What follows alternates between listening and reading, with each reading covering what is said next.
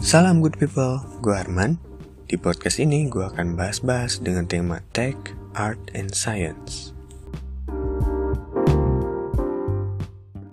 Oke, okay, episode ini melanjutkan bahasan Laws of UX masuk ke law yang ke-15, Parkinson's Law.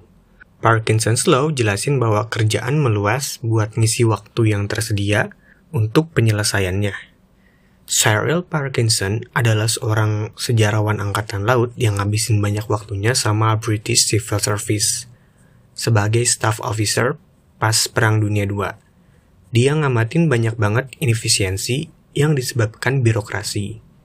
Dia merhatiin British Colonial Office nambah dari tahun ke tahun, padahal British Empire pada saat itu lagi mengalami kemunduran. Dalam artikel satir buat The Economist, Parkinson ngebahas gimana organisasi punya pertumbuhan yang gak terkontrol karena self-serving nature-nya. Jadi setiap departemen malah bikin kerjaan untuk departemen lainnya.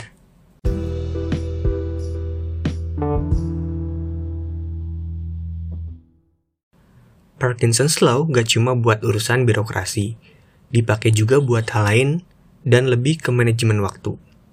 Ngerjain sesuatu di detik-detik akhir bikin kita lebih produktif.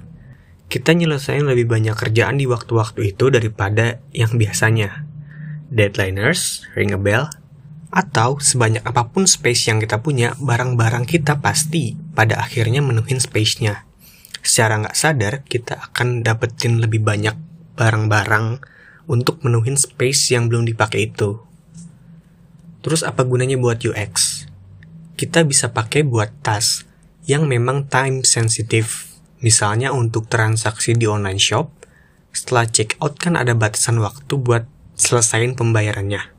Ya selain karena batasan di sistem pembayaran, online shop kayak Tokopedia, Bukalapak, mereka sebenarnya ngejagain juga pengguna.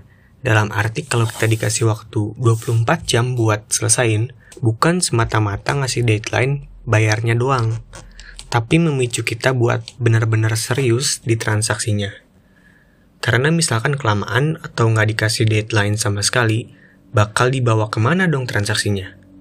Gimana kalau pengguna lain mau beli juga barang itu? Stok tinggal segitu-gitunya, tapi ketahan sama transaksi kita yang belum selesai, jadi nggak bisa lanjut kan? Atau apa tanda yang bisa dikasih ke penjual buat mulai packaging? Ya kita tahu jawabannya, selesain transaksi tadi. Dan banyak lagi contohnya. One time password atau PIN misalnya, cuma bisa beberapa menit doang. Setipe juga sama two-way authentication yang berlaku sama sebentarnya juga.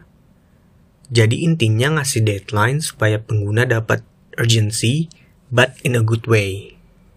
Jangan sampai kayak beberapa interface yang ada di uh, flash sale di beberapa e-commerce sampai ngasih countdown timer dalam satuan milliseconds. Buat apa bos?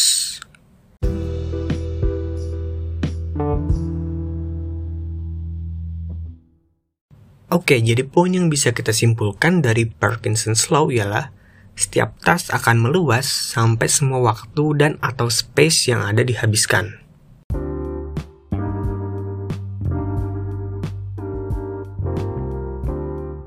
Oke, sampai di sini pembahasan Laws of UX yang ke-15, Parkinson's Law. Sampai jumpa di podcast selanjutnya. Thank you for listening. Salam good people.